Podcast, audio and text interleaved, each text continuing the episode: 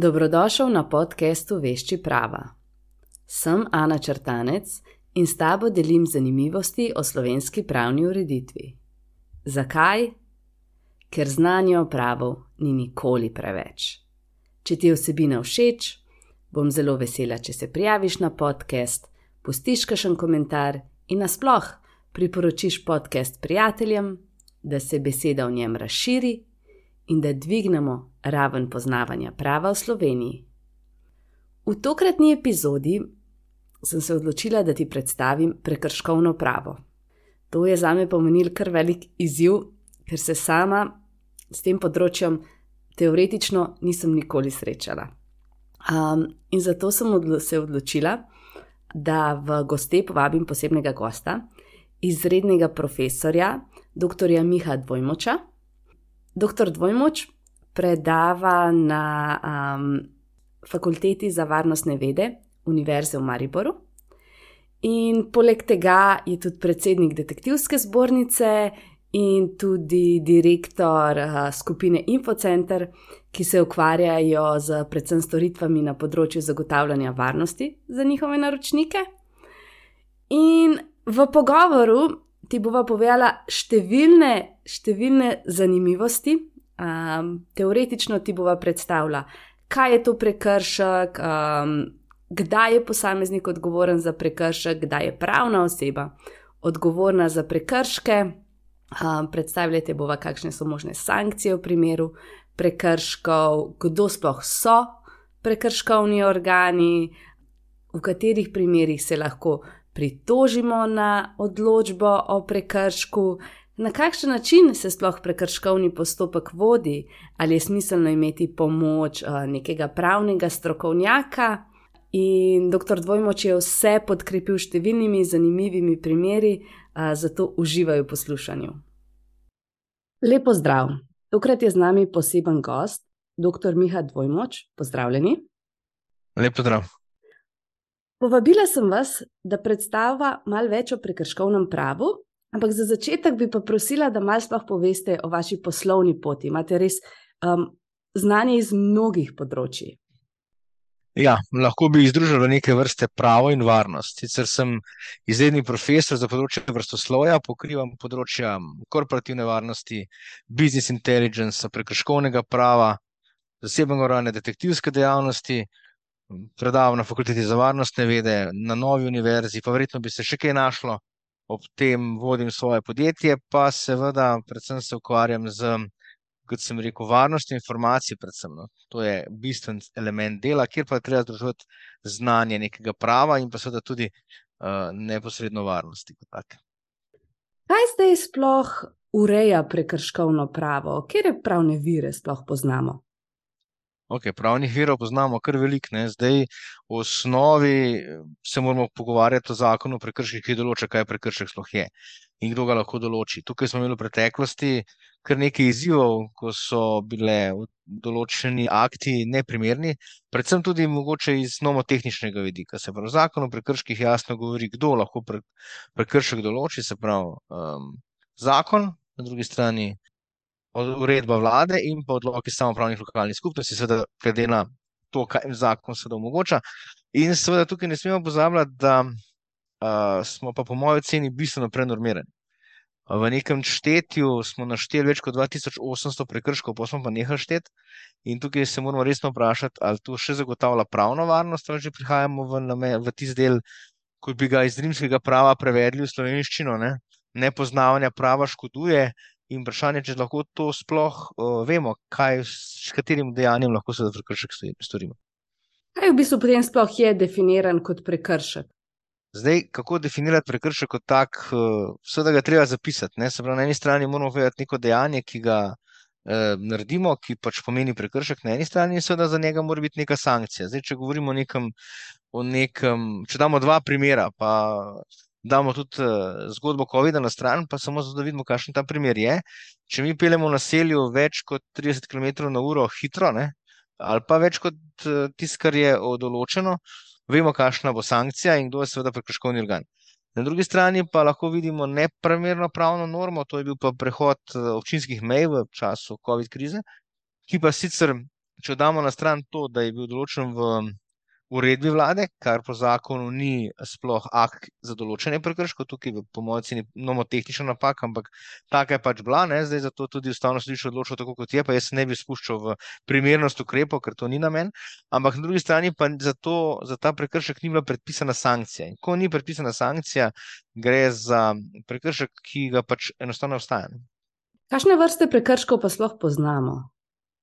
Uh, to zdaj um, je zelo široko vprašanje. Se prekrške določa, kot sem rekel, od zakonodaje pa do ured vlade, pa do odlokov samopravnih komunalnih skupnosti. Znamo prekrške, prekrškovno pravo je izjemno razširjeno. Če hočete, lahko se pogovarjamo o tem, kako na kakšen način. Um, na kakšen način delajo, ali pa na, najbolj pomembni so te na področju konkurence, kjer so globe ogromne, na drugi strani lahko govorimo čisto o teh klasičnih prekrških, ki vsi mi lahko storimo, se pravi, zavedno ali pa ne zavedno na cesti, da ne govorimo o prekrških, ki jih naredijo pravne osebe.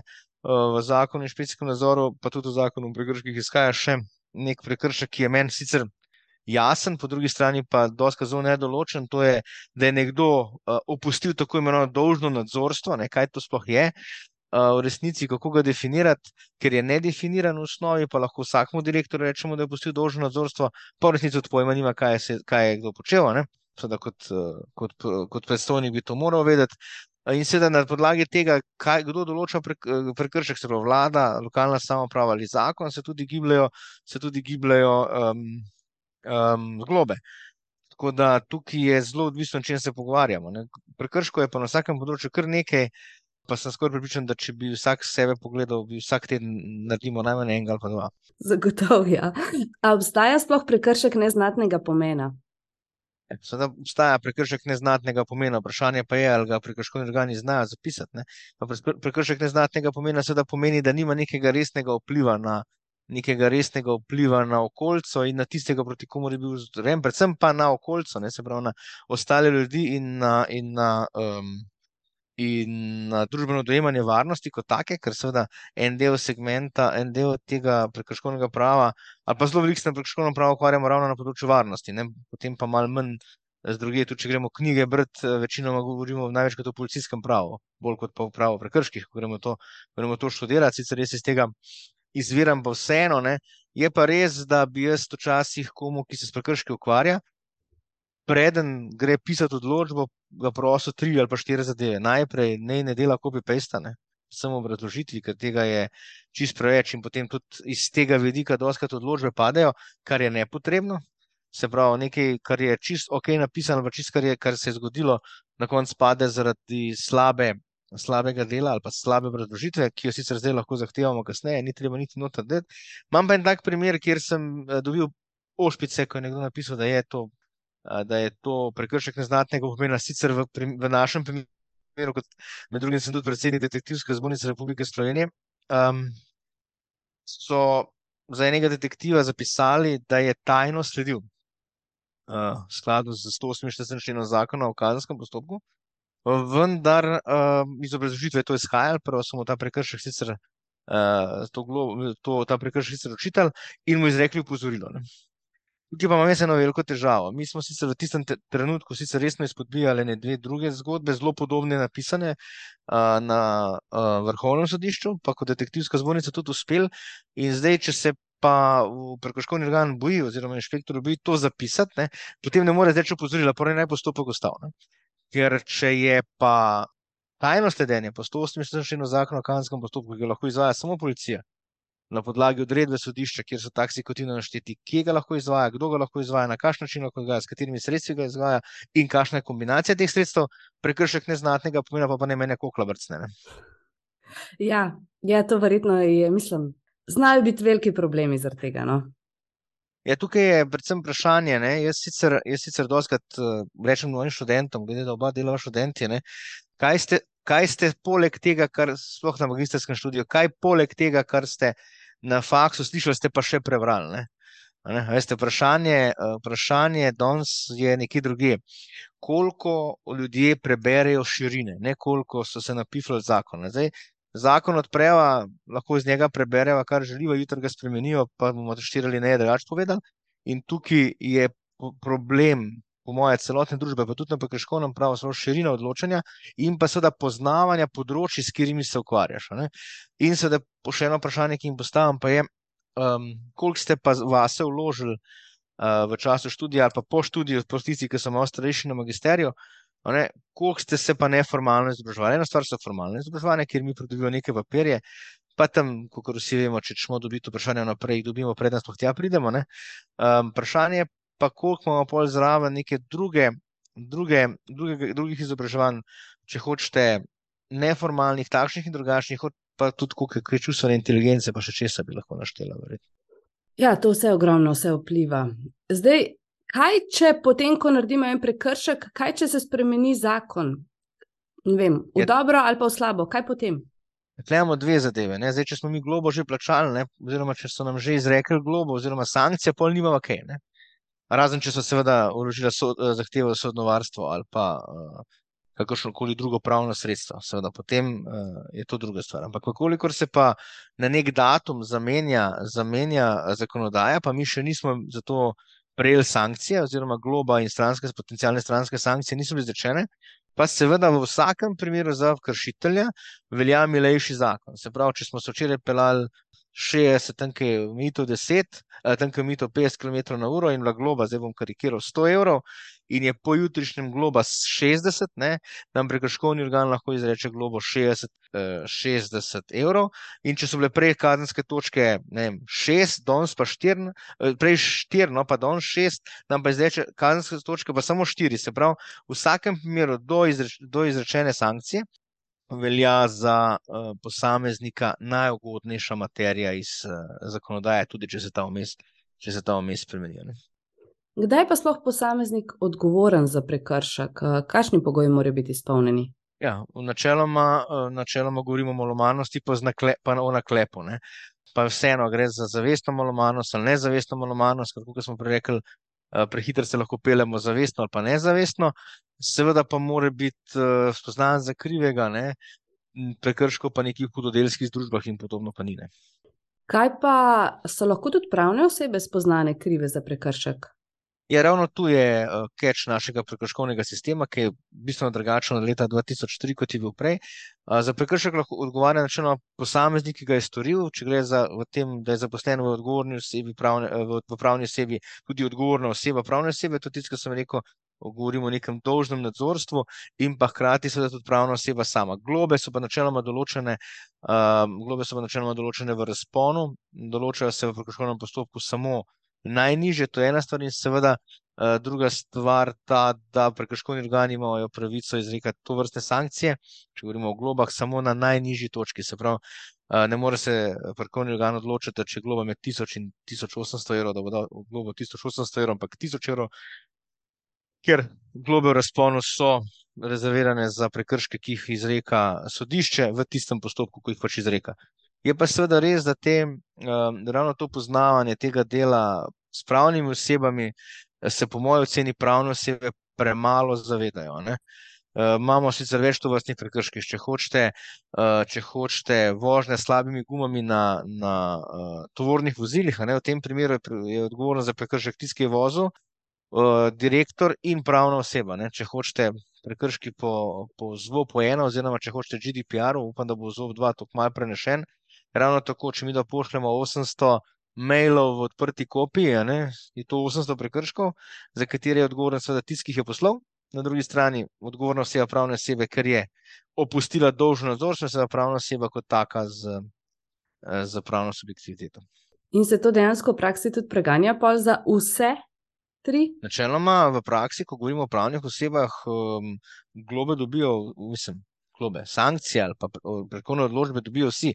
Je pa seveda res, ne, da, kot sem prej rekel, če te utemeljitve niso zelo dobre, če te utemeljitve ne temelijo na širokem znanju, poznavanju področja, tudi tujin, pa poznavanju vrhovnega sodišča, uh, konceptualne zasnove nekega področja, je to velik problem. Zdaj, to, kar se zdaj omenila, je problem v tem, da okay, nekako, uh, nekako uh, še. Um, inšpektori pa prekrškovni organi ostajajo isti, recimo se ukvarjajo z nekim področjem več časa.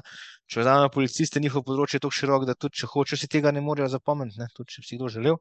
Je pa seveda izziv nekje druge, ki ga v tujini toliko ne vidimo, pa je čisto vseeno, vlada zelena, kot rajsa sta ali pa rdeča ali pa črna, če hočete. Je problem ta, da ko pa govorimo o nekem specifičnem področju, na nekem delovnem področju zakonodaje, se nam prevečkrat zdi tistim, ki se ukvarjamo vse z določenimi oskimi, ker tam, kjer se pa hočeš ukvarjati za pripravo zakonodaje, bi mogel biti pa osko specializiran ali pa vse tisto znanje bi moglo biti visoko strokovno, da vsake tri leta sedimo na eni strani isti, na drugi strani pa drugi. Se pravi, in štartamo vedno tam, kjer smo leta 91 začeli, če hoče. In seveda iz tega vidika, po mojem nastaja nekaj pravnih praznin in seveda tudi težko delo za tiste, ki morajo pa to zakonodajo pa seveda uveljavljati. Ja, gotovo. Um, kako je zdaj s poskusom prekrška? A to sploh obstaja? Ah, poskus prekrška seveda obstaja, vendar uh, za poskus prekrška mi dva ne moramo nobenega kaznovati, ker seveda um, dejanje ni bilo končano, se pravi, do prekrška sploh ni prišlo. Za razliko seveda od kazenskega prava, kjer pa je poskus v osnovi lahko tudi kazniv v določenih uh, seveda naštetih primerih. Ne. Zdaj, umenili ste že globe. Torej, kakšne so sploh sankcije, če se zagreši nek prekršek? Ja, sankcije imamo dvojne. Na eni strani imamo globe, včasih smo jim rekli denarna kazen, da bomo zdaj uh, to malo približali ljudem, se pravi denarna kazen kot taka in pa seveda različne stranske sankcije. Stranske sankcije, ki so najbolj poznane, so kazenske točke v cestnem prometu na eni strani in potem prepoved vožnje motornega vozila, pa vse do izgona tujca iz Slovenije, pa verjetno bi v kakšni posamezni zakonodaji še kakšno stransko sankcijo najdel. V vsakem primeru vsakem primeru pa tukaj prekrškovni organi kot taki nimajo ravno veliko izbire. Oni pač um, lahko izrekajo globe oziroma izrekajo globe in stranske sankcije v skladu z predpisi nimajo pravice, da bi lahko posegali ali v zmanjšanje glob ali v zmanjšanje stranske sankcije. Da se pa to lahko zgodi v primeru zahtev za sodno varstvo um, na na, stop, na drugi ali pa na tretji stopni, če hočete. Uh, tako da včasih pride do celo do paradoksa, da tisti, ki se ne pritožijo, pa imajo tudi kakšno reševalno okoliščino od prekrškovnega organa, pokasirajo višjo globo in pa stransko sankcijo, kot pa tisti, ki se seveda, ki vložijo zahtevo za sodno varstvo. Pa je možno izdati tudi kakšen opomin? Ja, opomin je spet tam, kar smo prej upozorili, ne, se pravi za neke, za neke prekrške neznatnega pomena, na eni strani se to je čista prosta presoja uh, prekrškovnega organa, uh, na nekih področjih je opominov velik, tam, kjer je predvsem za. Tam, kjer je predvsem za opozarjanje na neke stvari, mogoče bolj kot upomine, jaz pogrešam nekaj drugega, odpravitvene odločbe, tam, kjer je to mogoče. Ne?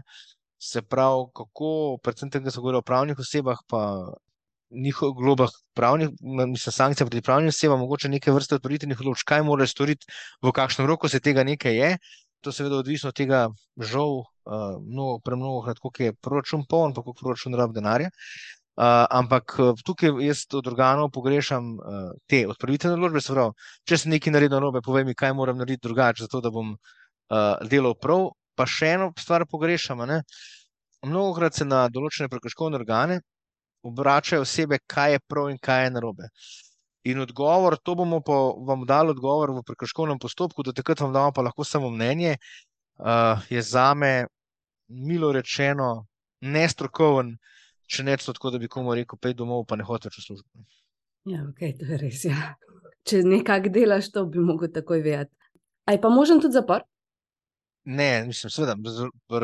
Včasih smo poznali tako imenovano konilni zapor, kot takega na prekrških tega niti na ta način ne poznamo. Pustimo zdaj neke specifike, ki izhajajo iz določene, določene zakonodaje, pa če rečemo temu, smo včasih rekli streznitveni zapor, pa kaj tazga.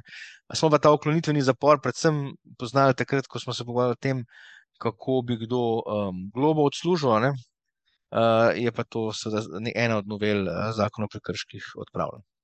Zdaj, skozi omenjate prekrškovni organ. Kdo sploh je mhm. prekrškovni organ? Ja, uh, načeloma zakonodaja določa, kdo je prekrškovni organ, oziroma prekrškovni organi so tisti, ki jih je uh, z nekim delokrogom se določil, če hočete na področju delovne prave, delovne prave, to je inšpektorat za delo, če hočeš na, na podlagi, na, na podlagi zakona o cestnem prometu, pa verjetno še bi lahko naštel kar nekaj zakonodaje, eh, sta to na eni strani eh, policija znotraj določenih zadev, tudi nekateri inšpektorati in pa seveda občinsko redarstvo. Se pravi, gre za delo okrog nekega ministrstva, treba je pogledati seveda, kam zakon spada, kdo so tam prekrškovni organi, in iz tega ven izhajamo, izhajamo, kdo nam za določen segment globo lahko določi. V določeni zakonodaji pa tudi natančno piše, kdo so tisti, ki lahko seveda to vrstno, um, to vrstno, to, to vrstno delo upravljajo. In kako zdaj sploh poteka ta prekrškovni postopek? Kakšna so tiste temeljne načela v postopku, čemu morajo slediti? Ja, imamo dva dela. Ne? En del je hitri, en del je redni. Uh, največkrat se občani srečamo s hitrim, se pravi, ko nam nekdo izda globo na samem kraju. In seveda ta del je dokaj uh, avtomatiziran, in seveda prekrškovni prekrško, uh, organi pa sledijo predvsem trem zadevam. Ne? Se pravi, ali je to v zakonodaji predpisano kot prekršek na eni strani, seveda pa. Je tam, ki je avtomatiziran, skoraj ne pride več do tega, da kakšen del odločbe manjka. Tam, kjer pa ne gre za avtomatizirano odločanje, se pravi, ne odločanje oziroma izdajanje uh, prekrškovnih odločb, pa premnogo, pa mnogokrat ugotovimo tudi, uh, pa mnogokrat ugotovimo tudi, kakšna pomankljivost odločbe, se pravi, ali ima vse sestavine, uh, kaj ti odločba se izdaja po zakonu o upravnem postopku, sestavine njene so jasne uh, in seveda tam, in seveda tam je treba si. Zdaj, če želimo govoriti o ničnosti odločbe, če želimo govoriti o tem, ali je odločba primerna ali ne, tudi vzeti ta čas in pogledati, ali vse, ali vse te, odloč, ali vse te um, postopke ima.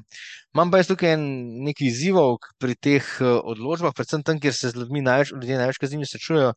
Včasih smo se zelo veliko ukvarjali z odločbami, um, odločbami občinskega redarstva, pa ne zato, ker bi uporekali uh, možnosti in pravici občin ali pa ali pa, uh, za, ali pa izrekanja uh, glob v skladu z zakonom o občinskem redarstvu in zakon, zakonodaje, ki jih pokrivajo.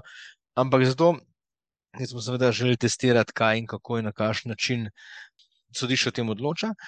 Imam pa ta drug segment pri povlašenih uradnih osebah, ki jih nimam. Ne?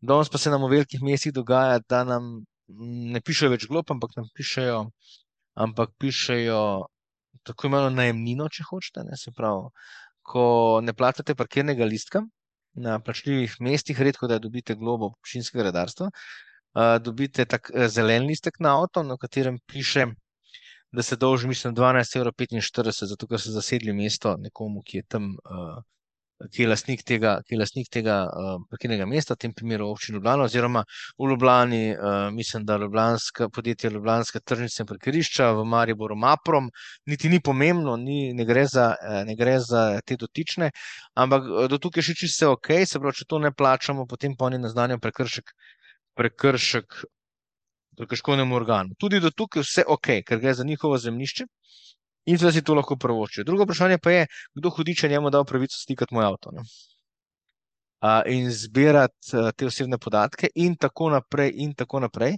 In tukaj prihaja do te kolizije, ko na eni strani nišče ne sme nič, na drugi strani eni lahko vse. In seveda tukaj je eno od vprašanj, pa če se vrnemo pa na COVID, pa bolj iz pravnega vidika, ne, tudi z vidika varstva osebnih podatkov, ker področje nekoliko pokrivam, uh, mi dva ne smemo imeti za študente skoraj nobenih podatkov, ne boh ne da, da bi na, na, na vrata obesla imena pa primke. Ne. Po drugi strani pa uh, v času COVID-a pa uh, informacijski okruženc odločil, uh, da pa lahko uh, skenirajo mojo QR kodo pa študenti, ki so zaposleni v nekem trgovskem centru. Uh, tako da um, imam veliko izzivov s tem, kdaj pol prekršek je in kaj ne. In seveda, takrat, ko pa enega od teh organov pač vprašaš, kako si to predstavlja, eh, pa načeloma odgovor ni to, pa tisto, kar sem jaz rekel, da me najbolj moti. Kaj pa sploh mora vsebovati ta odločba o prekršku? Na kaj morajo biti prekrškovni organi pozorni, oziroma kaj, na kaj moramo biti mi pozorni, ko to doma dobi, dobimo? Okay, v osnovi bi rekel, da, najbolj, ne bo, da, da naj bomo najbolj pozorni na dispozitiv, oziroma na izrek, same, uh, na izrek samega, uh, same uh, odločbe, ne, se pravi, kako izgleda kaj ima in seveda na to obrazložitev, in seveda ali se je to dejansko zgodilo, zdaj pa če bi vse navalje po tega, uh, kdo je naslovnik, se pravi, uh, kdo ga pošilja, številka, datum, ali je to zdaj gre za plačilno ali odločbo, v končni fazi oboje odločbo po ZUP-u, kdo je kršitelj na podlagi, kje je zakonodaje, je, bil, je bila zadeva starjena čas in kraj prekrška pravno opredeliti, tem pa seveda globa, pravni pouk, ne? in seveda na koncu koncev dokazila, če jih imajo, in pa podpisi, in pa seveda na kakšen način se zadeva vroča. Na hitro. Ne? Se pravi, vse te stvari morajo biti na eni strani uh, pozorna. Oseba, ki to izdaja, bistveno lažje je tam, ko gre za neke prekrške, ko sem prej rekel, da je, gre za avtomatizirano izdajanje odločb, se pravi, ko se okucajo neka imena, primki in se potegnejo vsi podatki na podlagi neke odločitve, bistveno teže pa seveda organom, ki te odločbe pišejo. Seveda danes uh, jim ni treba napisati obrazložitve, ko govorimo o odločbah, so tudi spremembo zakonov, zakonov o prekrških v nekem segmentu, kar sicer ni na slabo, da če jaz vem, da sem zadevo, da sem naredil nek prekršek, ga bom tudi na eni strani plačal. Pa bo zadeva zaključena, s tem pospešujemo seveda, in umikamo tako imenovane sodne zaostanke, potencijalne in pa zaostanke pri prekrškovnih organih, ko v preteklosti smo poznali tudi abolicije na tem področju, ne, ne, kar široke, široko odločanje o abolicijah na področju prekrškovnega prava. Kaj pa to seveda, pomeni abolicija? To pomeni, da, smo, da so določenim ljudem, ki niso plačali, oziroma proti katerim sankcije niso bile izvršene, odpustili to vrstne sankcije. Nekje so se pač odločili, potrebno tega veliko v cestnem prometu, tam v 90-ih letih, pa v tem začetku 2000 do 2005, tudi po sprem, pred, ob spremembi zakona o prekrških. In seveda, če pa mi zahtevamo, če napovemo zahtevo sodno varstvo, potem nam rok, dokler nam organ ne izda odločbe z obrazložitvijo, ne teče. In seveda, ko dobimo to In ko dobimo to odločbo, potem se odločamo, ali bomo zahtevo sodnovarstvo izrekli ali ne, ali uporabljali ali ne. Se pravi, nič nas to ne veže, moramo biti pa na eno stvar pozorni, da pa ko enkrat napovemo zahtevo sodnovarstva, oziroma ko enkrat vložimo zahtevo sodnovarstva, pa več nimamo pravice do polovičke. Ok, kaj je to polovička? To so bombončki z, vidika, uh, z vidika kaznovalnega prava je to tako um, zanimivo. Tukaj imamo sicer dve teorije. Eni teoretiki pač zagovarjajo, da gre za to, da s tem država kaznuje, naredi in tako naprej, in tudi ta denar hitreje pobere, pa manj ljudi se odloči za, uh, odloč za zahtevo sodno varstvo, ker pač reče, ok, da bom 50 evrov, no se s tem ukvarjal. Ne? Če bi bilo, če bi bilo globa 100, bi, ve, bi bilo več zahtev za sodno varstvo. Uh, drugi del teoretikov pa zagovarja, da je to popolnoma neprimerno, ker gre za to, da je nekdo stor, prekršek storil, globa je predpisana in na drugi strani, in na drugi strani potem mu damo pa za to popustne. Jaz sem proti to vrstnim popustom, moram priznati. Največkrat vprašam študente, če pri nas vozijo prehiter, pa rečejo ja. Pa jih vprašamo, vozite v Avstriji prehiter, pa rečejo ne. Pa vprašamo, Avstrijci vozijo v Avstriji prehiter, pa rečejo ne. Vozijo pa nas prehiter, pa rečejo, ja, nekaj drugega je vprašanje. V celotnem prekrškovnem postopku, ne zdaj zgolj na cesti. Ne. Vprašanje je namena, seveda, nekih kaznovalnih sankcij, glede na to, da tudi del eh, prekrškovno pravo je del kaznovalnega sistema, ni vprašanje, kakšna je višina globe. Načeloma ima cela Zahodna Evropa niže globe v cestnem prometu kot mi, ampak je zavedanje oziroma možnost, da te bojo pa pri prekršku dobili pa toliko večja, da potem eh, ne prihaja do prekrškov. In tukaj je zdaj vprašanje, ali smo sposobni to gručo prekrškov, ki sem jih prej rekel, da smo prišli do 2800, nadzirati, ker če bi jih imeli mogoče 500, ne bi jih bolj učinkovito nadzirali in bi pravni red in pravni sistem deloval drugače. Mm. Zdaj, kaj pa je to zahteva za, stalno, za sodno varstvo? Stalno jo omenjate. Ja, zahteva sodno varstvo je ugovor na plačilni nalog ali pa na odločbo, kot smo ga včasih poznali. Se pravi, pritožba na to, kar smo dobili od, od nekega prekrško, nek, prekrškovnega organa, in seveda a, mi tam lahko povemo, da se s tem ne strinjamo, moramo se pa ene stvari zavedati. Ne? Da en del jih je zavrnjen, že zato, ker so v osnovi, v osnovi ne navedemo dejstva dokazov, ki bi sploh lahko bili, ki bi sploh lahko bili v tem primeru um, podvrženi uh, presoji.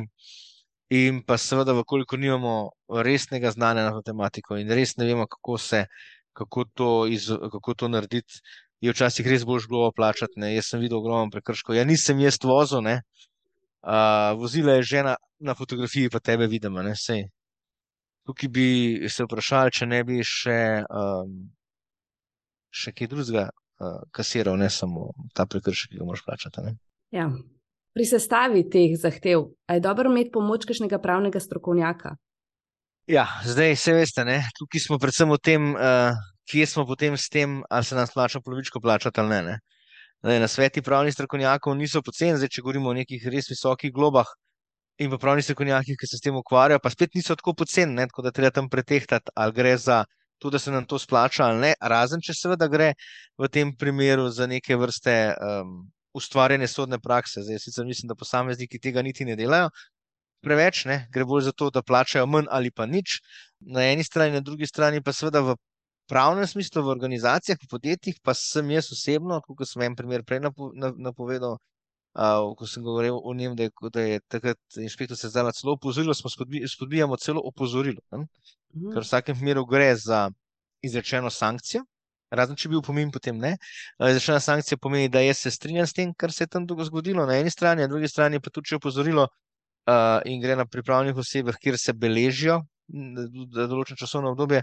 Prekrški nam potem opozorila za to vrstno ali podobno uh, dejanje več ne morejo izreči, kar pomeni, da smo v slabšem položaju, kot uh, bi lahko bili. Če seveda menimo, da to ni bilo tako zelo odvisno, uh, za katero zadevo gre, za katero zadevo gre, in uh, jaz pri nekih prometnih prekrških, ki so motorizirani tam, uh, zelo redko kdaj rečem komu, da ne se spravi v to zadevo, razen če res lahko dokaže, da je bil na drugem mestu, pa se mu ni treba spovedati zopr sebe ali svoje, svoje bližnje. V primeru pravnih oseb pa tukaj treba res dati na tehtnico včasih tudi, um, tudi um, celo branžo, pa seveda tukaj največkrat pomembna ta zgodba, ali, bran, ali ta, ta pravna oseba potem ima pomoč svoje branžne zbornice in še česa, da seveda to zadevo lahko pravno tudi primerno zapakira. Kam pa gre potem ta zahteva za sodno varstvo? Kdo o njej odloča? Drugostopenski organ, ki je določen v zakonu. Zdaj ne bi na pamet, ker bom težko, je pa res, da jo pa vložimo pri prvostopenskem organu in tudi vročajo organ, ki je, prvo, ki je potem uh, odločbo izdal. Razen, ko gremo v sodišče, zdaj, ko gremo na sodišče, takrat odloča sodišče, drugo stopenske, pa, pa že to ni čist res, pri inšpektoratih, inšpektorati potem vročajo kot prvostopenski organ tudi odločbe sodišče, ne glede na raznostavnega, ne glede na uh, nastop.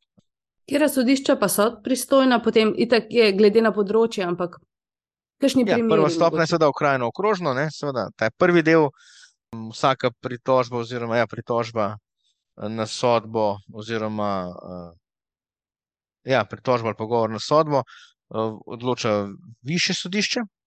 Odločbe višjega sodišča so načeloma dokončne. Imeli pa smo ravno v lanskem letu tudi uh, zgodbo, ki je bila vezana na prekrškovni postopek, ki ga je inšpektorat zgubil na drugi stopni, če hočete na tretji, se pravi na višjem sodišču, in se je odločil tudi, da bo vlagal izredno pravno sredstvo, to je vlago um, zahteva za varstvo zakonitosti. Zahteva za varstvo zakonitosti ima neke svoje značilnosti. Predvsem, pomemb, je, predvsem je pomembno to, da je, da je prvo državno tožilstvo oziroma generalno državno tožilstvo se spreme v, v obravnavo pravi, uh, in jo potem tudi pošlje v tudi pošlje. Um, svoje spreme predlaga vrhovnemu sodišču, oziroma vloži zahtevo za varstvo zakonitosti pri vrhovnem sodišču Republike Slovenije, ki jo lahko zavrne ali pa spreme in seveda, koliko jo sprejme, v njej meritorno odloči. In seveda, in seveda naj, se pa potem načeloma zgodi to, da sodbe višjih sodišč in pa vrhovnih prekrškovni organi jemljajo kot nek del precedenčnega prava, čeprav klasičnega precedenčnega prava v Sloveniji. A ne poznamo, je pa seveda zelo težko niže sodišče, če je seznanjeno z neko sodbo vrhovnega ali pa višjega sodišča, v tem zadevi odloča drugače, seveda, če je drugačna okoliščina, drugačno dokazno gradivo, seveda ja, ampak vseeno tam pa imamo pol določen del sodne prakse, na katero se seveda lahko slučujemo. A tudi tukaj v postopkih zastopa tožilstvo? Vemo, da pri kaznjivih dejanjih tožilstvo. Ja, zdaj, zdaj, na, zdaj na prvi in drugi stopni ne, se pravi, govorimo, uh, zastopa, zastopa se prekrškovni organ sam, največkrat to piše inšpektori pa smo spet tam, kako poznajo svoje delovno področje, oziroma spet, koliko širokega imajo, ne, veste, to je vprašanje. Ne, tudi inšpektori, če vzamete inšpektorat za notranje zadeve, njihova zgodba je tako široka, ne, od uh, zasebnega varovanja, kjer ima 80 zaposlenih, do detektivske dejavnosti, to malo bolj poznam, zelo naštevam, do orožja, pa do nadzornikov na smočiščih, pa na drugi strani zdaj pa spet do, do, do volilne kampanje. Ne, sej, ljudje pa ne, 10 do 12, ne. Tudi, če hočejo, ne morejo. Ne. Tukaj smo tudi to, tudi to zgodbo, seveda pa na vrhovnem sodišču, pa zgolj in samo uh, generalna državna tožilec. Uh -huh. um, kakšen je pa dokazni standard? Naprimer, vemo, v kazenskem postopku je onkraj razumnega dvoma, kaj pa tukaj?